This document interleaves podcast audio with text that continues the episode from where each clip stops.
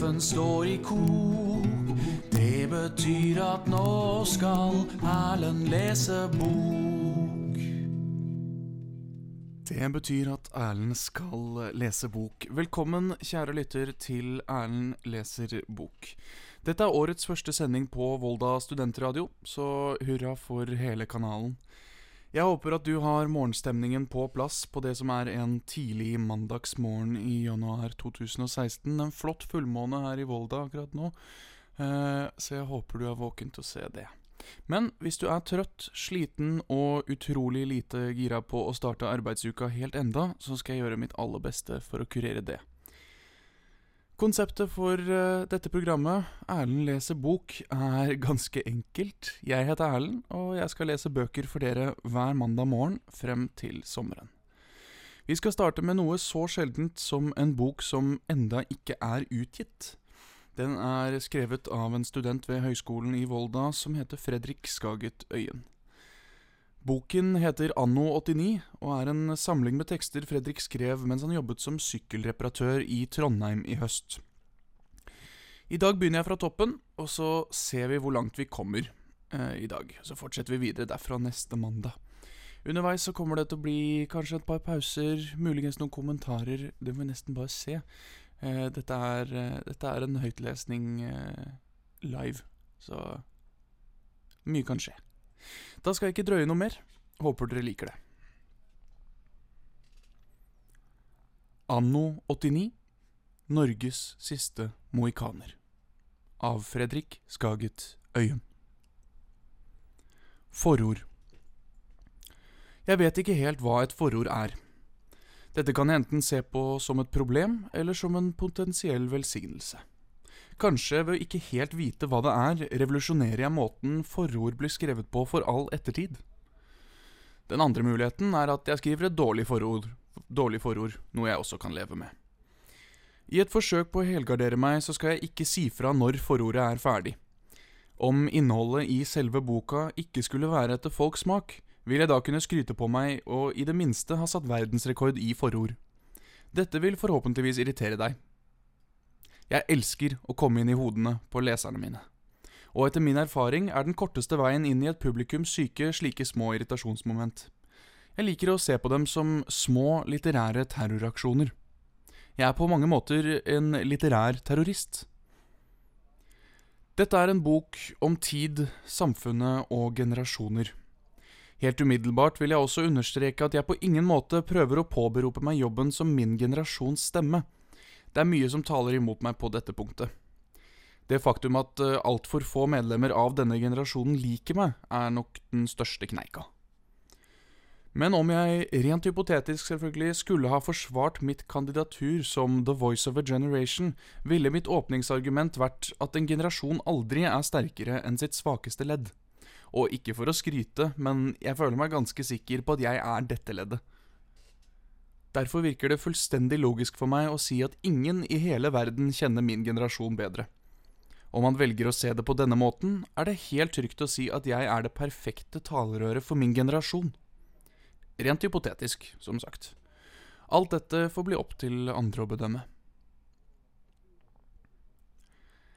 Del 1 89-eren En gal manns ravende skriblerier 80-tallet Ah, 80-tallet. Det beste tiåret. Jeg må bare le, altså. For en tid. Du skulle sett hvordan jeg så ut. 13 cm høye skulderputer, pianoslips, eggeskallhvit satengdress med ermene brettet opp til armhulen og en hockeysveis fra en helt annen verden. Herregud, som jeg skjemmes når jeg finner bilder fra den tiden.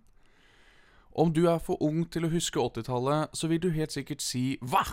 Bilder? Hadde dere det på 80-tallet? Ja, vi hadde bilder. Eh, vi hadde faktisk mye av den samme teknologien som vi fortsatt bruker i dag. Vi hadde TV, for eksempel. Ikke med HD-oppløsning og 1000 kanaler, kanskje, men eh, vi følte heller ikke at vi trengte det. Vi hadde NRK, og det var nok. Nei, vi trengte ikke mer enn eh, Dagsrevyen, Detektimen og en halvtime med finsk fjernsynsteater i ny og ne. Dan Børge Akerø hadde vi også, akkurat som dere har, jeg vil til og med påstå at Dan Børge var bedre den gangen. Det var en slags uskyld i de krøllene før i tiden. Mobiltelefoner hadde vi også, akkurat som dere har. Like mobile var de kanskje ikke, men likevel. For ikke å glemme datamaskiner. De var til og med bærbare. Man kunne i hvert fall flytte på dem som fremt man hadde en fire-fem staute karer, noe tau og noen tømmerstokker. Ja, vi levde i teknologiens tidsalder, vi òg. Men likevel var det noe annerledes med den tida. Vi levde kanskje i teknologiens tidsalder, men vi hadde også en felles bevissthet om hvor vi kom fra. Vi hadde en slags direktelinje til fortiden, til gamle, gode dager med gamle, gode verdier. Det var jo ikke så lenge siden krigen, tross alt. Vi var ikke enige med den eldre guide hele tiden, men vi respekterte dem, på vår egen måte. Når alt kom til alt, så var vi ikke så forskjellige. Dan Børges krøller har ikke den samme uskylden i dag. Noe har skjedd med samfunnet siden 80-tallet, og jeg liker det ikke. Verdiene er annerledes. Alle skal mene noe, men samtidig må alt være politisk korrekt. Til og med rasistene fremstår som politisk korrekte i dag. De kamuflerer seg. I dag må man tyde og tolke leserinnlegg på flere tusen ord for å finne ut om noen er rasist. Før så sa de neger, og det var nok. Nei, gi meg 80-tallet. Verden var kanskje ikke perfekt, men vi latet heller ikke som. En spade var en spade, en matrett var en matrett, trening var noe kjedelig man gjorde iblant, og røyking var en selvfølge. Madonna var på radioen, og både Madonna og radioen var fortsatt relevante. Tenk som tiden flyr. Så unge vi var den gangen. Så naive. Berlinmuren sto for fall. Lillehammer hadde en identitet som ikke baserte seg på OL-pins, og verden lå for våre føtter. Livet var herlig. Tror jeg, da, i hvert fall. Jeg er født 8. desember 1989. Det er godt å mimre litt. Dette gjør jeg ofte. Jeg mimrer tilbake til 80-tallet, 90-tallet, årtusenskiftet, høsten 2010, i forgårs, når som helst, egentlig. Jeg elsker å se meg tilbake. Det er en slags hobby. Jeg, jeg prøver å få inn sånn ca. tre kvarter med kvalitetsmimring hver dag. Noen mener at dette er litt i overkant. Spesielt dette med 80-tallet pleier folk å synes er rart. Det er en ærlig sak. Um, folk kan mene hva de vil. Jeg forbeholder meg retten til å mimre. Jeg er en håpløs nostalgiker.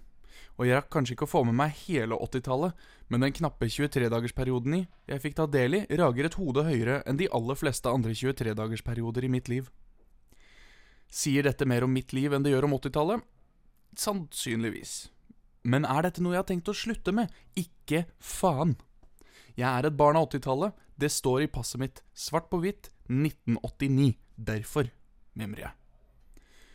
Det ville vært en mild overdrivelse å si at jeg husker mye fra 80-tallet, da.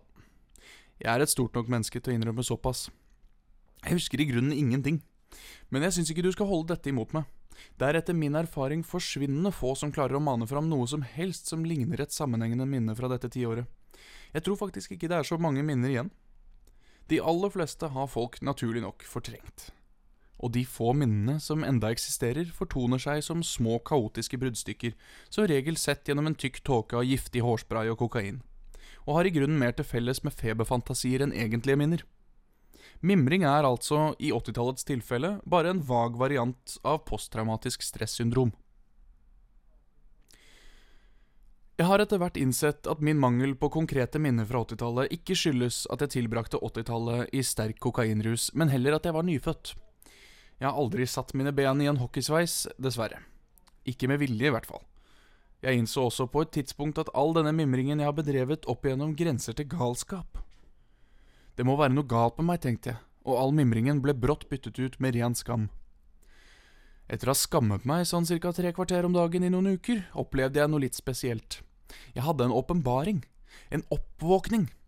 En ganske udramatisk og ganske kjedelig oppvåkning, men en oppvåkning like fullt. Jeg innså med ett at den hemningsløse nostalgiorgien jeg hadde latt meg rive med i, ikke bare kaster lys på det faktum at jeg ligger og slurer på grensa mellom psykopat og idiot, det kaster også et litt deprimerende lys over en tomhet. Så fremt tomhet kan bli truffet av lys. Det bor en lengsel i meg, et ønske om å vende tilbake ikke nødvendigvis til 80-tallet, men til noe. Til en enklere tid. Til gamle dager, kanskje? Jeg var ikke helt sikker. Men sakte begynner jeg å innse at jeg savnet min egen tid. Vår tid. 1989-generasjonens tid. En tid som tradisjonelt sett skulle pågått sånn omtrent nå, i skrivende stund. Men den er ikke her. Ikke har den vært, og jeg sitter på en snikende mistanke om at den aldri heller vil komme. Derfor minnes jeg 80-tallet. I mangel på en egen tid vil jeg gjerne ta del i en annens. Faen for en oppvåkning.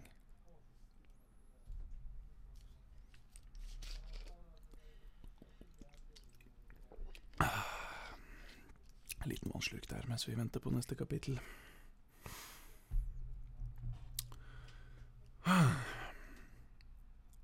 Det store skillet. Ah, 90-tallet. For en tid. Det beste tiåret. Selv om jeg ikke husker 80-tallet, så må jeg til mitt forsvar si at jeg faktisk husker 90-tallet. I hvert fall deler av det. Det er også kjent som ironiens tiår, noe som tar litt av tyngden ut av et utsagn som det beste tiåret. Jeg mimrer, som du kanskje kan forestille deg, perverst mye tilbake til 90-tallet. Grunnene til dette er mange, og de fleste er selvsagt deprimerende å ha med tomhet å gjøre, men den viktigste grunnen er selve kjernen i det jeg vil fram til. For 1990-tallet representerer nemlig et vendepunkt for selve menneskeheten. En gang for lenge siden var det noen som fant opp ljåen. Og i århundrer så var folk enige om at en ljå var en ljå. Etter 50 år så var det noen som fant opp en ny ljå. Den nye ljåen var ofte identisk med den gamle, men folk trivdes med det. Til slutt var det en eller annen bonde som fant opp en hestetrukken slåmaskin. Og hestetrukken slåmaskin var en hestetrukken slåmaskin, som han sa. Etter 50 år fant noen opp en ny type hestetrukken slåmaskin, og sånn gikk dagene, i et jevnt døsig tempo. Man fant opp noe, og lot som man oppgraderte den en gang iblant. Helt til man en gang på 1900-tallet hadde funnet opp traktoren. Og i mange tiår så sa man som før traktor var traktor. Helt til den nye verden gjorde sitt inntog.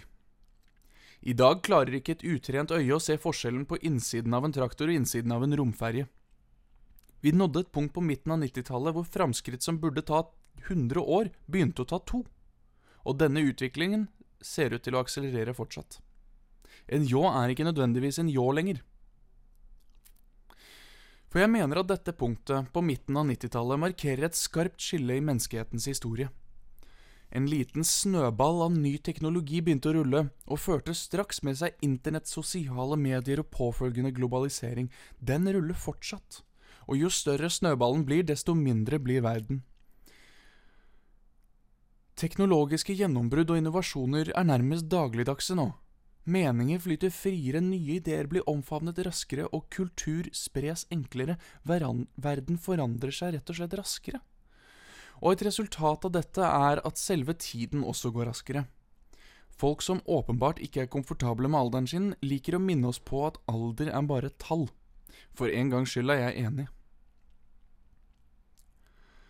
Før midten av 90-tallet oppsto nye generasjoner da den forrige hadde blitt gammel. Alle som ikke var gamle da et teknologisk gjennombrudd eller sosial omveltning fant sted, ble som regel stappet inn i samme generasjonsbås. Ofte har de også en samlende kampsak eller et felles mål å stille seg bak. De trengte ikke nødvendigvis å gjøre verden til et bedre sted, men burde helst gjøre verden til et litt annerledes sted. En annen grei tommelfingerregel på hvordan du vet at en ny generasjon har entret banen, er når teknologien de bruker, og musikken de hører på, er helt utenfor din fatteevne. I dag må man i teorien sette skillene mellom generasjonene mye tettere. Verden forandret seg mer fra 2006 til 2007 enn den gjorde mellom 1930 og 1950, noe som tilsier at de, de, som i dag er ti år, er medlemmer av en helt annen generasjon enn de som er ti og en halv. Dette hadde jo vært håpløst forvirrende, men jeg mener at 90-tallets teknologiske skille er så markant, så definerende for vår historie, at det nå er helt innafor å dele opp hele menneskeheten i to grupperinger, den yngre og den eldre garde. De som kun kjenner til den nye hverdagen, og de som kjenner den gamle.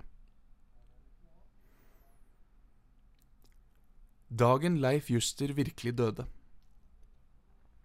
Jeg husker nøyaktig hvor jeg var da den nye verden gjorde sitt inntog i livet mitt. Det var en sommerdag i Kristiansund. Året var 1996. Jeg husker ikke nøyaktig hvordan været var, men jeg vil anta at det var stiv kuling og regn. Det er som regel stiv kuling og regn i Kristiansund. Det jeg husker, er at jeg var syv år og satt utenfor det vesle rekkehuset jeg vokste opp i. Ut av et vindu som sto på gløtt, kunne jeg høre Alf Prøysens Du skal få en dag i morgen, som sto på full guff på familiens nye grammofonspiller. Jeg satt på trappa og mimret tilbake til åttitallet. Livet var herlig. Nederst i bakken som leder opp mot huset mitt, så jeg en skikkelse som bar på noe. En tung eske av noe slag. Det må være Melkemannen, tenkte jeg. Men til min store overraskelse var det min far som kom traskende. Men hva er det han bærer på? God eftermiddag, sønn, smilte min far til meg. God eftermiddag, far. Hva gjør De så i dag, om jeg våger å spørre? Jeg sitter her på trappetrinnene og reflekterer over livet, døden og det glade åttitall, svarte jeg. Jeg var en meget reflektert syvåring. Jeg fortsatte. Hva er det som befinner seg i den besynderlige esken du bærer på, far? Dette, sønn, er en hjemme-PC, svarte far med enorm stolthet i stemmen. En hjemme-PC, tenkte jeg. Har vi ikke alt en hjemme-PC, da? Jeg kunne bestemt huske at vi inviterte alle vi kjente av store, staute karer for å flytte den inn under trappa. Nå tror jeg de skrøner med meg, far, sa jeg, mens jeg ristet litt nedlatende på hodet. Jeg var også en veldig nedlatende syvåring. Vi har jo alt en hjemme-PC, den står jo under trappen. Den kan skrive bokstaver og tall, ja, til og med symboler. Dette er ikke en hvilken som helst hjemme-PC, svarte far, med enda mer stolthet i stemmen. Dette er en nymotens hjemme-PC med noe som heter Windows 95. Rykende fersk fra fabrikken i Kristiania. Den er lett å flytte på, og må ikke sveives i gang slik som den gamle må. Den slås på ved hjelp av en knapp.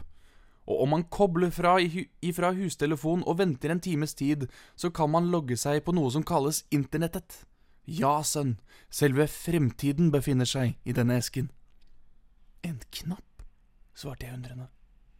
Ja, de tenker jo på allting nå om dagen. Vi lo hjertelig i noen øyeblikk, og så gikk både jeg og far inn for å spise middag. Dette minnet vekker mange sterke følelser i meg. Det er mange grunner til dette. Den første og kanskje mest urovekkende er at min far i dette minnet er prikk lik Leif Juster. Leif Juster vekker i seg selv sterke følelser i meg. Og om man kaster Leif inn i den allerede så forvirrende labyrinten av følelser som er et moderne far-sønn-forhold, så kan man risikere å aldri komme ut igjen. La oss for all del ikke henge oss opp i dette. Det som er mer betimelig, og desto mindre suspekt, er dette med Windows 95. Før Windows 95 var det å operere en PC like vanskelig som å operere et menneske. Om du har kjennskap til MS-DOS, vet du hva jeg snakker om. Hjertekirurgi og MS-DOS er nøyaktig like vanskelig. 90-tallet var det siste vi så av MS-DOS. Før jeg visste ordet av det, hadde, mor byttet ut den trofaste grammofonspilleren med en nymotens ganske dårlig stereoanlegg. Den forvokste kalkulatoren under trappa var blitt erstattet av noe som faktisk kunne kalles en datamaskin, og min far sluttet momentant å ligne på Leif Juster. Om man hadde vondt i hodet, tok man ikke lenger en globoid, men man tok en nymotens fancy Paracet, og om man brakk beinet, smurte man ikke bare lenger bare på litt Spenol, man gikk til legen og fikk nymotens fancy gips. I utgangspunktet var jeg ikke spesielt bekymret for dette. Jeg tenkte at uh, jeg var heldig som fikk være med på en slik teknologisk omveltning. Å få overvære en revolusjon var en ære, som ble de færreste generasjoner til del, tenkte jeg, og håpte i mitt stille sinn at mine barnebarn kanskje kunne få bli vitne til det neste. Jeg var som sagt en meget reflektert syvåring. Ja vel, tenkte jeg. Da er det vel vi som er generasjon fremtid. Jeg var, til tross for min reflekterte innstilling, fortsatt uvitende om hvor malplassert jeg kunne føle meg resten av livet.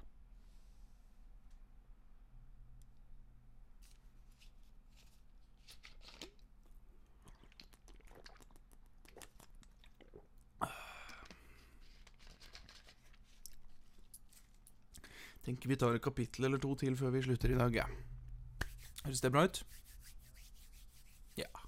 Det er det som er så fint med å, å prate på radio. Jeg kan stille spørsmål, og så kan jeg selv svare dem. Veldig fornøyd med det. Det tror jeg Fredrik ville likt også. Neste kapittel. Vær litt kul, da. Ta et trekk, da. Jeg begynte naturligvis å røyke i meget ung alder. Dette har ungdom gjort for å passe inn siden tobakkens morgen. Det er et av livets absolutte faktum at røyking gjør deg kul. Jeg var selvfølgelig fullstendig klar over at røyking var farlig, men det var jo hele vitsen. Fuck the system, videre. Planen min var å gjøre opprør, slik man jo skal når man er 15. I ettertid har jeg innsett at jeg kunne prestert bedre som rebell. At min far at min, Unnskyld. At min mor, min onkel, min tante, alle mine besteforeldre, mine søskenbarn, tremenninger, firmenninger, grandonkler, grandtanter, naboer, perifere bekjente og halvparten av innbyggerne i Kristiansund også var røykere, gjorde at effekten av dette opprøret mistet litt tyngde. Eh, at jeg i tillegg røykte i smug og var livredd for at noen av disse skulle finne det ut, gjorde også sitt. Det var mer en stille, forvirret protest enn et opprør. Uansett så var jeg altså blitt en røyker.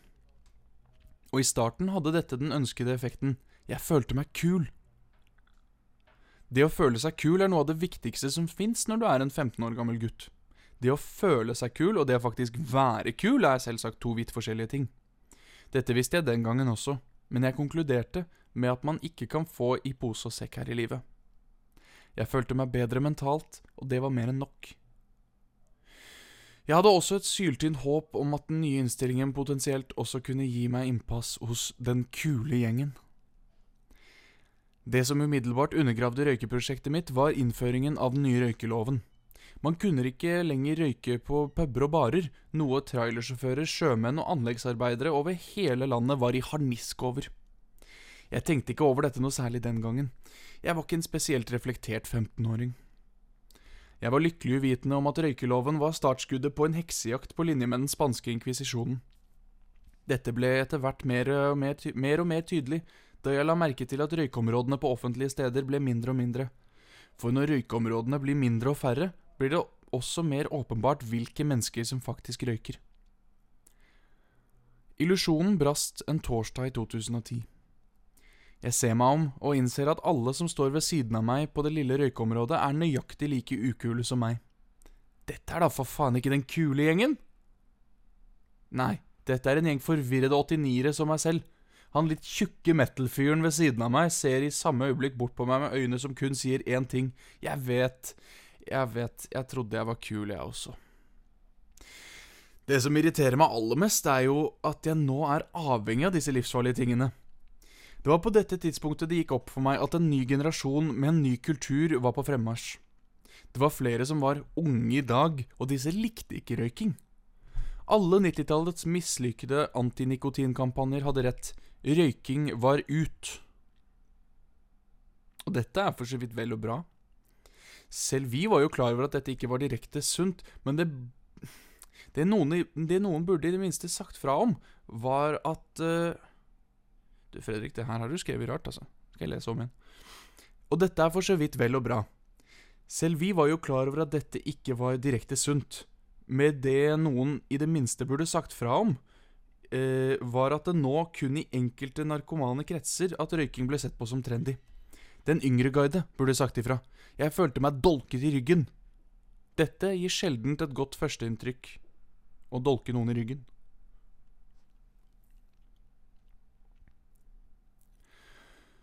Rotløs ungdom. Jeg var en relativt rotløs ungdom. Og før jeg skriver videre, så må jeg påpeke at nesten samtlige bøker som inneholder en slik setning, handler om å finne seg selv på en eller annen måte. Det, det gjør ikke denne. Jeg har ikke lyst til å finne meg selv, og jeg skal i hvert fall ikke lete. For det å finne seg selv er ni av ti ganger en høyst deprimerende affære. Jeg har sett det før. En finner seg selv, misliker det man fant, blir kastet inn i en voldsom nedadgående spiral av selvforakt og selvmedisinering, og ender opp med en eller annen personlighetsforstyrrelse. Dette fører selvsagt til at man mister seg selv igjen, noe som gjør at man må finne seg selv igjen, og den tvilsomme sirkelen starter på ny. Når alt dette er sagt, så må jeg igjen si jeg var en relativt rotløs ungdom. Dette er på ingen måte unikt. Man er som regel litt rotløs i ungdommen. Ungdommen skal jo være rotløse, sier folk, men det ordner seg jo alltids til slutt. Og for 20 år siden så hadde nok eh, dette vært sant. Men i dag er situasjonen en helt annen. Situasjonen i dag har blitt kritisk. For det første må man aldri glemme at det finnes grader av rotløshet, som med alt annet. Som med alkoholisme, for eksempel.